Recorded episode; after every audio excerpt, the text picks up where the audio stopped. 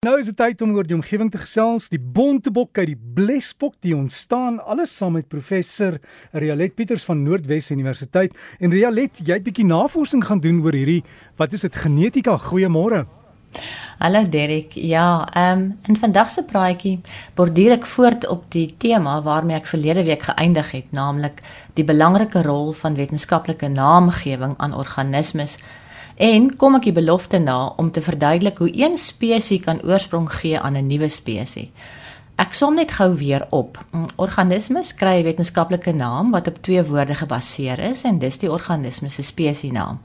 En spesies groepeer saam om genera te vorm. Genera vorm saam families. Groepe families lei tot ordes, ordes tot klasse, klasse tot filums en filums tot ryke. En hierdie groeperings gebeur op grond van kenmerke wat die onderskeie taksons met mekaar in gemeen het. daarmee bedoel ek dat die spesies in een genus meer kenmerke met mekaar in gemeen het as met ander spesies in 'n ander genus wat in dieselfde familie gekategoriseer word.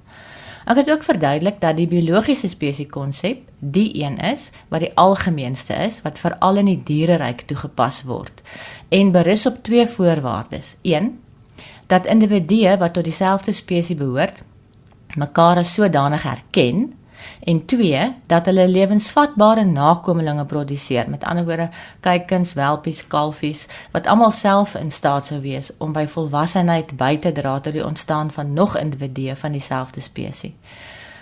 Vandag verduidelik ek waarom dit belangrik is dat die bedreigde bontebok toegelaat moet word om net met ander bontebokke te paar en nie met blesbokke nie, want hulle is nog subspesies van mekaar.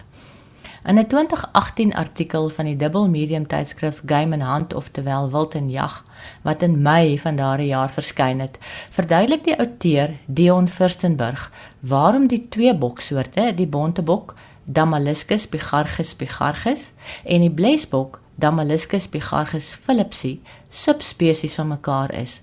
En in die proses verduidelik hy mooi een van die maniere hoe nuwe spesies tot stand kom. Meer as 1.2 miljoen jaar gelede was daar net blesbokke wat in Suidelike Afrika voorgekom het.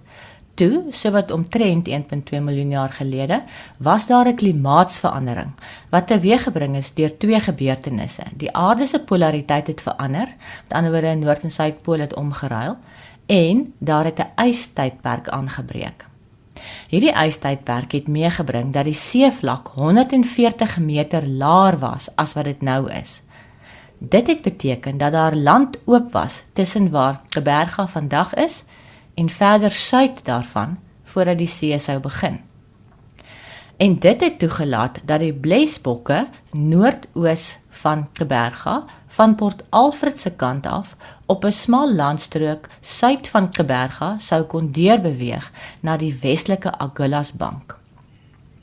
Vandag is die Agulhas bank grootendeels onder water, maar toe was dit 'n sowat 7.8 miljoen hektaar droë landstrook wat aan die noordelike kant begrens is deur die Kaapse Plooiberge. Hierdie Plooiberge strek van amper by Clan William in die weste tot by amper Geberga in die ooste.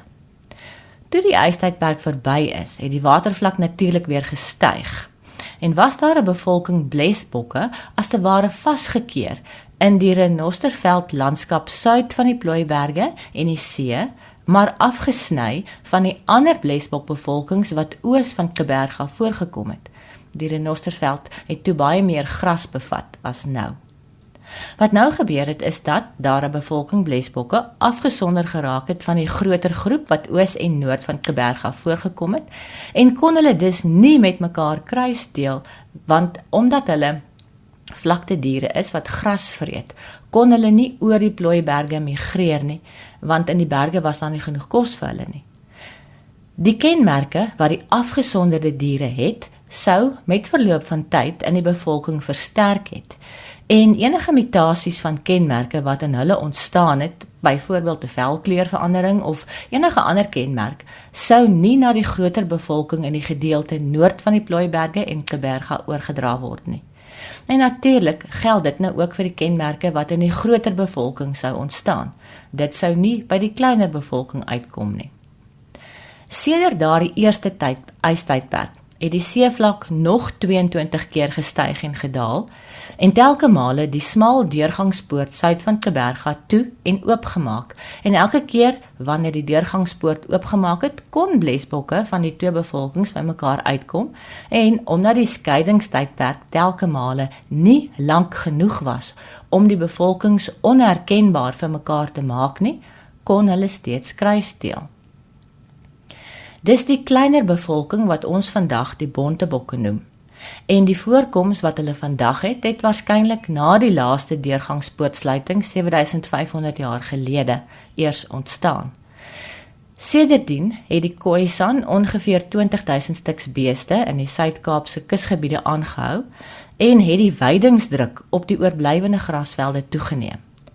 Die eland en die bergkwagga wat saam met die wat ek nou maar die bontebokke noem, vasgekeer was, kon wel oor die plooiberge ontsnap.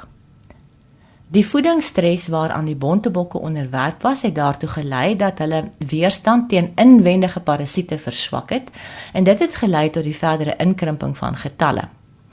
Met die Europese besetting van die Kaap het die grasveldweiding vir die bontebok verder verminder en het hulle in 'n genetiese bottleneck verval. In 1931 was daar maar 50 individue oor. Die bottleneck beteken dat die kenmerke wat tussen die 50 individue verdeel was, die enigstes was wat oorgebly het wat 'n groot jammerte is. Ons weet dat hoe groter die verskeidenheid van die vorms van 'n bepaalde kenmerk is, hoe groter is die kans op die oorlewing van die spesies. Die groter verskeidenheid in die bestaande kenmerke beteken dat as die omstandighede waarbinne 'n spesies moet oorleef, 'n uh, 'n uh, verander. Daar omdat daar so 'n groot variasie binne die kenmerke is, darm 'n groepie sal wees wat die ideale kombinasie kenmerke bevat wat geskik sou wees vir die nuwe omstandighede en dan so daardie individue in staat stel om te oorleef. Wat betref die bestuur van die situasie, is dit dus nodig om toe te laat dat die bontebok wat nou ook in ander dele van die land op privaat eienaars se grond is, met die bontebokke van die Agulhas Bank te kruisdeel om die genetiese diversiteit in stand te hou. Maar ons moet nou keer dat die bontebok met die huidige blesbokke teel want anders gaan ons toelaat dat die bontebokke uitbaster en dan is die vordering van die totstandkoming van die nuwe spesies van die afgelope 7500 jaar daarmee heen en as te ware terug by die toestand van 1.2 miljoen jaar gelede. Nou hoe onderskei ons tussen die twee subspesies? Blesbokke is uh, het 'n tipies 'n ligter bruin kleur en die wit bles word onderbreek deur 'n stukkie bruin wat tussen die oë voorkom. Die bontebokke se donkerder bruin sye, kop en boonste deel van die pote is 'n soort perspruimbruin. Die bontebok het ook swart horings terwyl die blesbokke se horings geneig is om aan die voorkant meer geelbruin te wees. Ek het op omgewingspraatjies se Facebook bladsy foto's geplaas van die twee subspesies, die bontebok en die blesbok, gaan kyk gerus. Reël, dankie. Anders gaan ek jou maar saamneem as ek weer Wildtuin toe gaan, hoor, dan kan jy vir my wys. Dis reg, ek sit voor. en dankie en goeie naweek vir jou en dankie vir die foto's. Die foto's dan op die Breakfast blad. Gaan loer op Facebook B R E K F IS. Ons groepsnaam sluit aan sien die fotos en jy kan daarvan af ook dan kontak maak met omgewingspraatjies en professor Rialet Pieters betrokke by Noordwes Universiteit.